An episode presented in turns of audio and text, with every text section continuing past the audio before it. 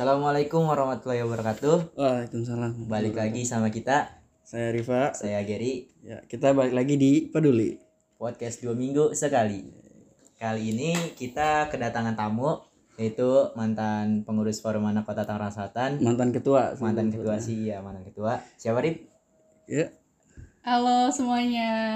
Hai Riva, hai Gary. Hai Oh, Kak, gimana kabarnya kak? Alhamdulillah baik. Alhamdulillah. Ini saya harus mengenalkan diri sendiri. Ya boleh dong boleh sendiri. Halo teman-teman, saya Gatari. Eh, dulu pernah jadi pengurus forum anak. Kebetulan, Kebetulan. di BPH menjabat sebagai ketua forum anak Tangsel. Chairperson of the team. Gitu. Oke. Di Tahun Forum- tahun berapa Kak? Tahun berapa ya itu? 2016 sampai 2018. 2016 sampai 2018. Betul sekali teman-teman. Tapi emang jabatannya itu dua tahun dua tahun sekali gitu Kak. Nah iya betul. Jadi kan di forum anak emang Iya. begitu. Iya kan udah dijelasin di podcast episode 1 Oh, Kalau iya. kalian mau denger di situ tentang tentang insight dari forum anak Tangsel sendiri. Oke, ya jadi kalau di forum anak eh, masa jabatan itu dua tahun sekali Hmm. Dari kalau aku 2016 sampai 2018 kalau Riva nanti 2020 2020 sampai 2022. 22. Gary juga ya? Iya kan Sampai sama. 2022. Gitu deh. Eh, Oke, kira sekarang mau ngebahas apa nih? Kira-kira organisasi kali. Ih, Menarik banget kan Organisasi ngomongin. Organisasi, organisasi sama leadership. Leadership. Oke.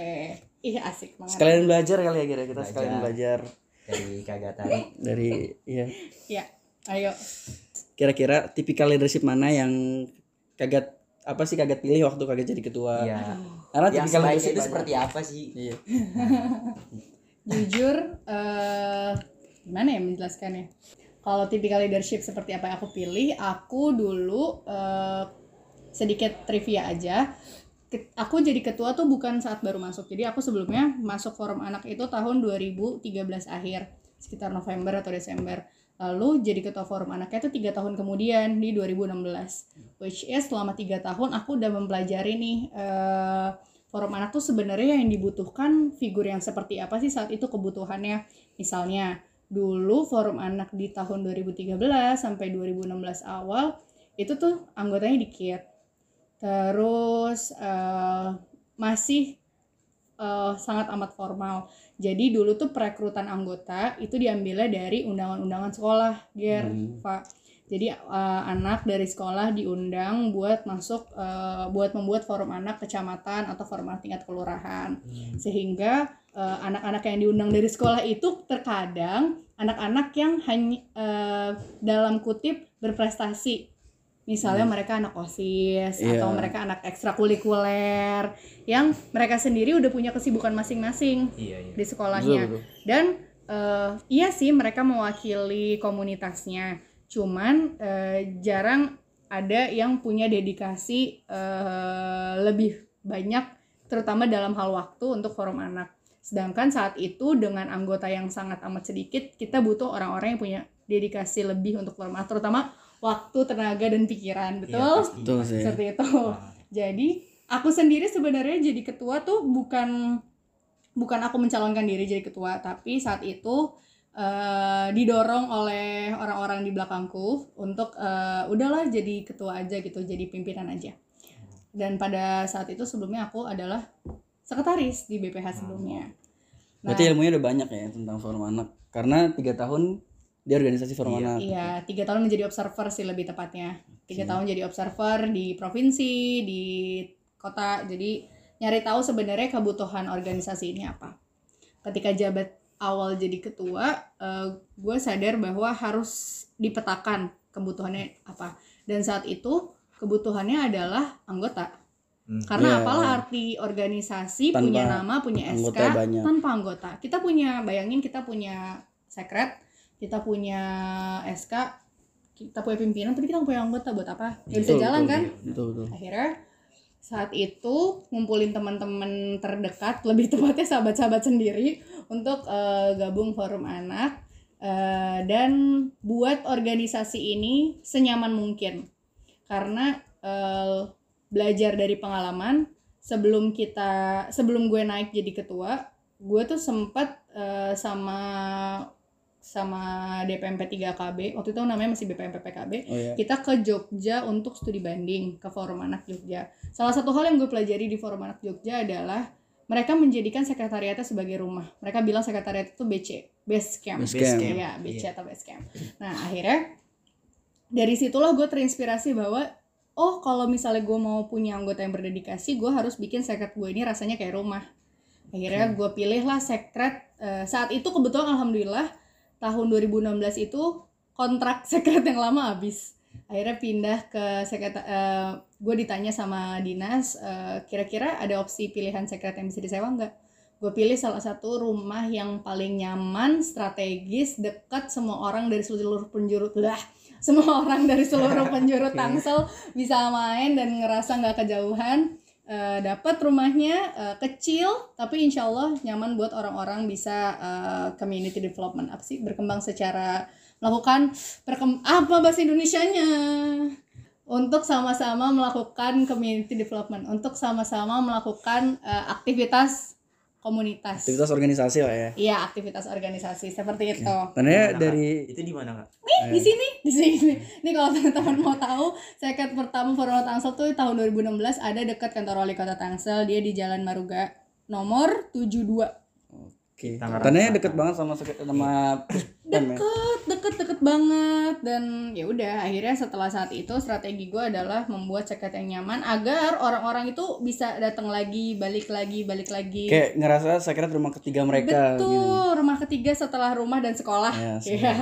Jadi rumah ketiga terus kayak fasilitas di sekret juga didukung tempat-tempat nyaman ya kayak misalnya Iya. bawa kasur dari rumah saya ditaruh di sekret supaya teman-teman bisa istirahat sepulang sekolah. Dan DPM pun juga bantu support Iya kan. betul betul alhamdulillahnya dinas pun eh, mendukung banget kayak eh, memberikan ini apa namanya PC, komputer, terus fasilitas-fasilitas pendukung kayak printer eh, dan banyak sih wifi ke fasilitas. wifi Nah sayangnya saat itu wifi belum ada. oh belum ada Belum. Tapi ada. bayangin wifi belum ada aja udah selama itu. Iya sih. Terus Saking- juga dulu waktu itu apa sih namanya? Kayak listrik aman terus dong. berarti? Aman, aman banget sih kayak listrik selalu ditransfer tepat waktu ya kan teman-teman. Alhamdulillah ya. jadi jadi emang strateginya saat itu adalah membuat secret senyaman mungkin sehingga orang bisa nganggap itu rumah ketiga gitu sebenarnya ini kaitannya jauh ya dari leadership cuma itu adalah kebijakan pertama gue yang gue Oke. ambil ketika gue jadi seorang pemimpin gue petain apa kebutuhan organisasi gue terus Memetakan. Iya memetakan. Eh, terus eh, setelah itu langsung sikat apa yang bisa dilakuin, lakuin sekarang. Jangan nunggu orang lain karena saat itu gue nggak punya anggota kan, anggota bersih gue dikit. kayak berarti Hah? di kan disikat bersih Iya bener, nggak salah, Kotor. nggak salah. Iya, kayak intinya kalau waktu itu kebutuhan yang nggak ada anggota, gimana caranya bikin anggota yang baru nyaman dan mau balik lagi? Dulu mungkin ada anggota tapi sedikit Iya ini ya. sedikit gitu, Oke. terbatas.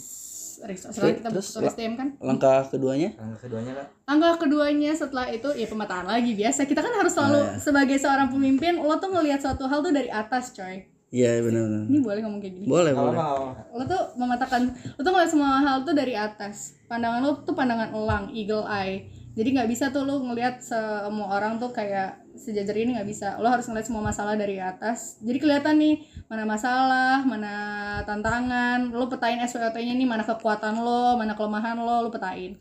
Tandanya berarti kalau kita mau nyelesain masalah, kita harus berperan sebagai netral dong. Harus kita lihat dari semua sisi kan. Kalau mau jadi ketua, Betul, kalau hanya lo seorang leader ya. sudut, sudut pandang Betul sekali. Jangan pernah sekalipun lihat dari satu perspektif. Kalau lo adalah seorang pemimpin. dan kalau membuat organisasi bagus. Betul. Kalau lo adalah seorang pemimpin di mana uh, figur leadership lo itu dibutuhkan untuk memajukan uh, organisasi dan juga menyelesaikan masalah. Nah, itu.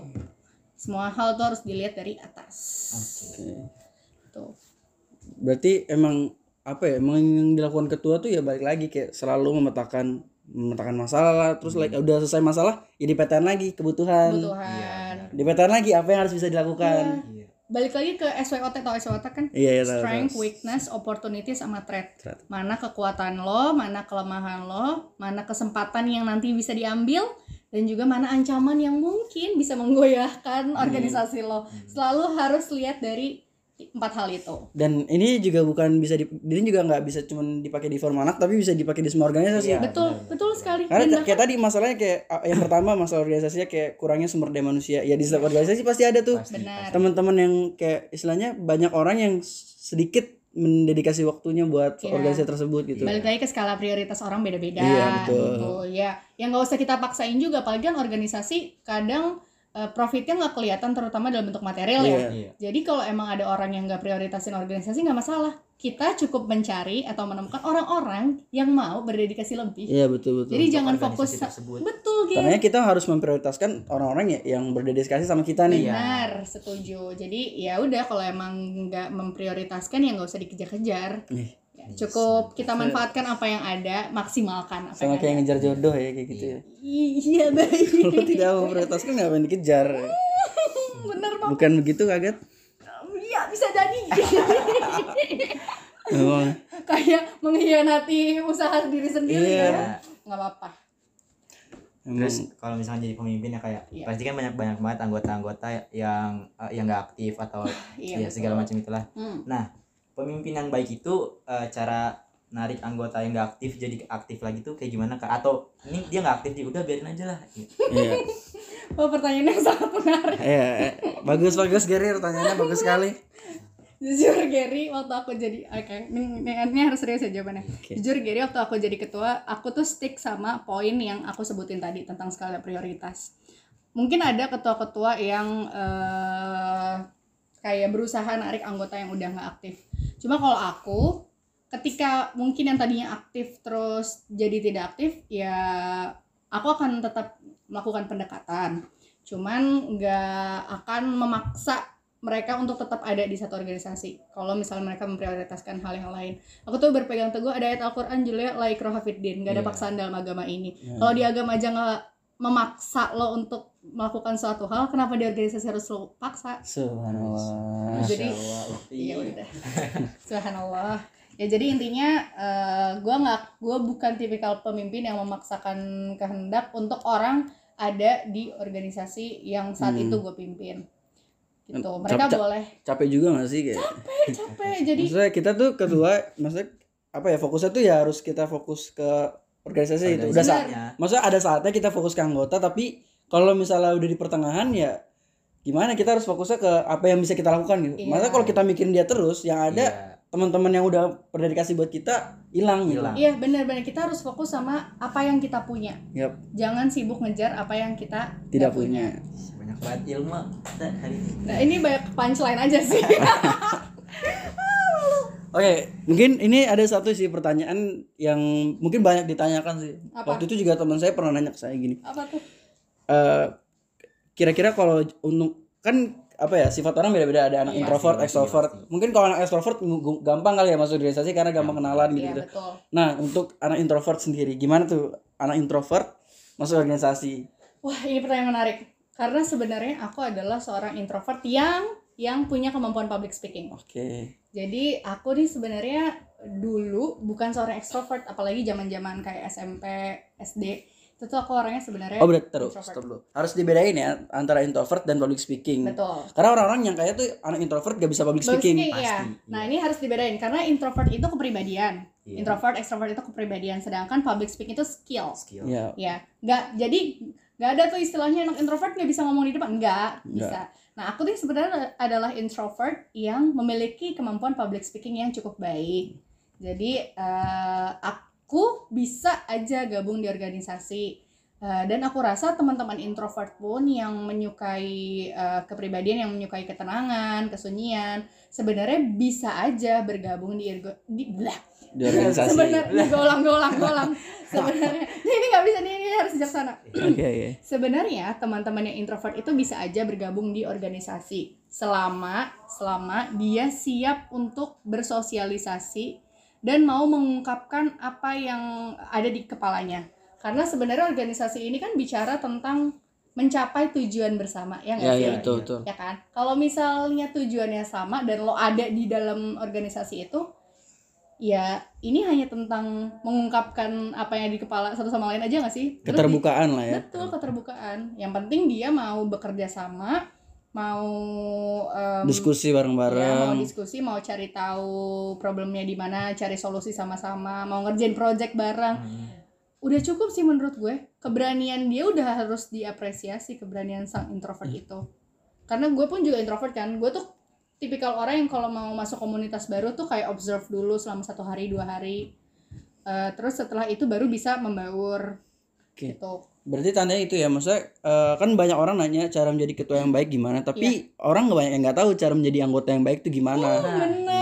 Iya, iya benar. balik lagi kayak tadi cara jadi anggota yang baik itu yang kayak tadi gitu. Iya. mampu meluangkan waktu mau Yes. mau buka pi- mau buka pikirannya buat organisasi tersebut. Betul. Karena nggak ada eh, maksudnya gimana ya? Ketua yang baik tuh bukan ketua yang bisa dapat dapat penghargaan baik-baik. Tapi ketua yang baik tuh ketua yang bisa ngerangkul anggotanya bareng-bareng. exactly. Setuju banget. Dan jadi anggota juga harus mau dirangkul sama ketuanya. Bener, mau dipimpin gitu kan. Iya. Gak Mau- egois. nggak egois. Dan mau ini loh. Kalau oh ini gue tahu tambahan menjadi ketua yang baik adalah ini visi misi gue dulu. Gue selalu berharap orang-orang yang gue pimpin mau mengkritisi gue dulu saat itu. Dan gue menyampaikan itu ketika paparan visi misi. Kenapa? Karena bagi gue jarang ada ketua yang vokal tapi mau dikorek ya dikoreksi dikritisi. Dan dikritisi itu penting ya karena kita tuh kadang nggak bisa ngelihat kesalahan apa yang ada di diri Iya kita. kekurangan apa yang di ada di diri kita itu yang lihat orang lain. Hmm. bukan kita. Makanya penting banget punya orga punya anggota yang mau mengkritisi lo dan bisa langsung kayak ya udah ungkapin aja cara mengkritisinya. Cuman dengan norma yang baik ya. Misalnya berdua aja ketika lagi mau mengkritisi atau Hmm. memberikan nasihat. Iya. silahkan seperti itu. Dan dan memang ketika lo jadi pemimpin hal yang paling tepat adalah harus siap dikritik oleh siapa pun Ter- termasuk anggota lo Hmm. orang-orang yang lo pimpin itu lo harus terbu seterbuka itu untuk menerima kritikan solusi masukan dari mereka baik Oke. sikap lo baik kepemimpinan lo baik kebijakan lo gitu sih Iya sih. ini nggak apa-apa Iya sih. ngomong gue lo Nggak apa. Itu kan emang kita di Tangsel Betawi ya. Iya, Hmm, maaf Biasa kayak guys. gitu. Iya. Padahal- iya. Yoi. Tapi nggak maksudnya gini loh, eh, mengkritik pro- eh, mengkritik itu pun ada ininya nggak sih? Maksudnya caranya. ada nggak Ya. nggak nggak nggak kayak "Ya udah lu gua kritik gini gini gini gini depan umum segala Iya. macam Iya, kayak tadi kan kayak betul. kalau kayak gitu ja- eh, j- bukan kritik namanya menjatuhkan nggak sih? Menjatuhkan. betul menjatuhkan Dan bahasa yang digunakannya pun sopan. Iya. Iya. Dan gimana ya kalau mau kritik ketua maksudnya misalnya nih eh, gimana ya kayak ketua tuh mau dikritik sama orang-orang yang bener-bener istilahnya kita kerja bareng-bareng nih. Ya udah lu lu boleh kritik gua. Tapi misalnya kita kerja bareng-bareng tapi ada orang yang nggak nggak ikut kerja tapi ngkritik Nah, gimana tuh? Iya, seperti yang tadi gue bilang, as long as disampaikannya, as long as selama Selama selama, selama. mengkritiknya sesuai dengan norma yang berlaku, misalnya via privas, pri, selama cara mengkritiknya sesuai dengan norma yang berlaku, misalnya berdua aja atau cara menasehatinya sesuai dengan eh, norma-norma yang benar, ya menurut gue nggak masalah. selama. Eh, tapi balik lagi yang mengkritik sadar nggak posisinya siapa Iya. gitu Atau enggak yang mengkritik juga harus bisa open dikritik betul juga. nah iya itu dan menurut gue eh, ada dua hal dalam eh, organisasi eh ada dua hal dalam soal kritik mengkritik ini ya yang harus Hmm.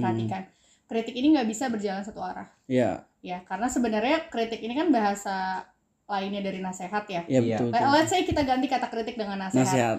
Eh, karena ya balik lagi di Al-Quran aja kan dan saling menasehati gitu Oke. kan. Al-Asr ayat 3 ya kan? Iya. Iya. Apa ayatnya gue lupa. Wal asri innal innal insana fi husri illal ladzina amanu wa amilus solihati wa tawassaw bil haqq wa tawassaw bis sabr. Orang-orang yang saling mengingatkan kepada kebaikan dan mena- saling menasehati dalam kebaikan gitu.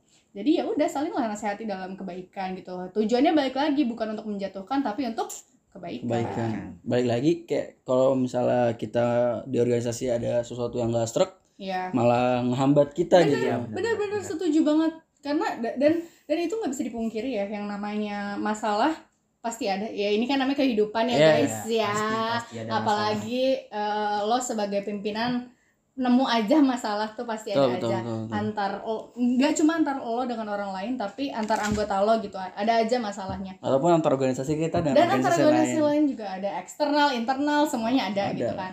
Ya ini pinter-pinternya lo aja dalam menyelesaikan masalah sih. Karena menurut gue nggak selalu ada masalah itu harus diselesaikan dengan cara yang sama. Yap, Iya, itu ya kan betul. tiap pemimpin punya caranya masing-masing untuk figure out gimana nih nyelesainnya gitu. Dan pasti pemimpin itu apa ya memikirkan cara yang, ter- cara yang terbaik nggak sih buat betul best organisasinya practice-nya seperti apa betul tapi pemimpin yang baik sebelum dia nyelesain masalah Hmm? dia diskusi dulu sama anggotanya betul betul diskusi dulu cari tahu dulu apa eh, dari mulai faktor ya kayak yang gue bilang tadi di awal loh Iya. harus selalu lihat dari banyak perspektif betul, Iya. betul. lihat eagle eye selalu pakai pandangan eagle eye kalau lu jadi leader selalu pakai pan- pandangan elang lo tuh di atas nih lihat bukan lo menggurui ya iya iya bukan iya, lo iya. menjadi Tuhan tapi Ah. lo harus lihat dari banyak sudut pandang Iya, gitu bukan hanya satu. bukan hanya satu betul, betul.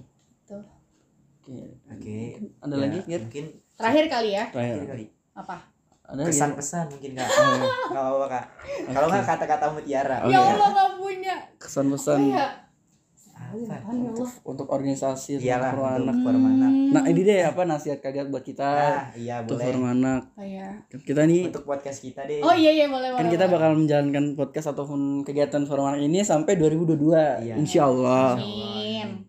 coba gimana Eh, gue tipikal orang yang ketika memulai project itu punya selalu menghadapi tantangan yang sama Apa? yaitu istiqomah atau konsistensi ya karena di situ kita ngelawan yang namanya rasa malas ya. kita ngelawan namanya rasa eh teman-teman yang tiba-tiba jadi mager. Iya.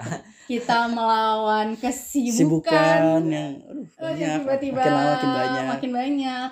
kita melawan prioritas. Prioritas. Ya istiqomah tuh banyak challenge-nya. Dan ketika lo memulai sesuatu kan kan kalau nih kalau kita mulai satu hal yang susah itu eh, niatnya kan intentionnya. Tapi kalau udah mulai yang susah itu istiqomahnya mempertahankannya. konsistensinya Iya, itu iya, yang betul, susah. betul, betul, betul. jadi kalau aku boleh ngasih satu nasihat ke teman-teman eh selain kekompakan dan lainnya ya Iya. apa pun ketika kalian sudah mulai sesuatu berusahalah untuk konsisten. Berusaha untuk istiqomah berusaha untuk eh, berkomitmen sama apa yang sudah kalian pilih. Gitu dan dan selain konsisten harus terus mau berkembang. Iya pasti. Gitu. Harus mau maju harus selalu siap untuk menerima masukan satu sama lain. Benar, benar. eh jangan kenceng-kenceng uratnya ya guys ya. Take it slow. Oke. Take it sans. Jadi eh, ya selalu temukan cara untuk bisa konsisten. Karena Selalu ya selalu temukan cara untuk bisa konsisten dan juga istiqomah. Karena ya itu tadi nilai kalian value kalian itu adanya di konsisten. Ya. kalau kalian bikin kegiatan sekali jeger gitu rame ya orang bakal lupa. Hanya saat itu doang Iya, vibes iya, betul, ramenya. Ya prestasi sih. Cuma ya udah gitu hanya jadi sejarah. Tapi ketika kalian mau membuat suatu hal secara konsisten manfaatnya kerasanya sampai dalam waktu yang lama. Oke. Ya jadi kan ini yang mau kalian Dan- bagikan ke orang-orang iya, kebermanfaatan betul, betul, bagi sesama Betul. bukan dan itu bakal jadi poin rasa bangga gak sih kita kayak kita, kita keluar dari forum Iya. tangsel ya itu itu dia kita betul. keluar dengan rasa bangga gitu Ya, kayak gue suka banget sama statement lo kayak kita pernah melakukan hal-hal kebaikan nih buat iya, tangsel iya, buat iya, iya benar-benar benar kebermanfaatan Program Iya, iya. kita ternyata bisa bermanfaat nih bagi Iya. orang lain. betul setuju gue sama kalian walaupun ya kita apa ya kita melakukan semuanya dengan ikhlas gitu Iya. Dengan ikhlas, istiqomah, konsisten. mantap Subhanallah. Kuncinya itu ya ikhlas itu kalau konsisten Iya konsisten dan juga ya karena karena kan balik lagi ya istiqomah kalau di breakdown tuh jadinya banyak jadi Iya. kayak udah kata kuncinya istiqomah lo Istiqomah. breakdown sendiri deh tuh kalau lo mau berkembang kayak Iya, saling betul, betul, support satu sama lain ngajakin teman supaya nggak mager banyak kan jadi istiqomah lo breakdown sendiri nih cara istiqomah oke. gimana oke wah, Gitu. ilmunya banyak sekali hari ini yang kita Iya. dapatkan apa sih Intinya istiqomah. istiqomah nggak nggak kita ganti bahasa Indonesia yang benar. Eh, konsisten. Konsisten. konsisten konsisten. Itu kalau menurut KBBI Iya. KBBI konsisten. Mungkin Ya mungkin itu aja ya yang bisa kita bahas hari ini. Iya. Buat teman-teman jangan lupa terus mendengarkan peduli. Iya. di Spotify. Ya, tiap dua minggu sekali. kita bakal upload. Terima kasih Kakak Tari Terima yang kasih, sudah Giri. menyempatkan waktunya. ya sama-sama Gary sama-sama Riva dan terima kasih juga kepada para pendengar kita yang setia yang kita terus. kita lihat di sampai seribu Iya, amin amin. Amin. Eh iya aku aku kayak punya ide gitu loh tiba-tiba. Kalian kayak harus mulai menciptakan sapaan buat teman-teman yang iya, iya Iya, kemarin juga disuruh kemarin Sofian gitu kita ya iya, cuman kemarin kita belum kita belum kepikiran ya. Iya, ya kayak nanti peduli deh first sih. Nggak nggak bercanda. Peduli lah first. Nggak nggak nggak. pokoknya sekreatif oh ya nanti nanti kita Nanti deh, suruh. nanti deh kita. insya Allah di episode 4 udah ada. Amin. Oke deh Terima kasih. buat Ya, peduli. Wassalamualaikum warahmatullahi wabarakatuh. Waalaikumsalam warahmatullahi wabarakatuh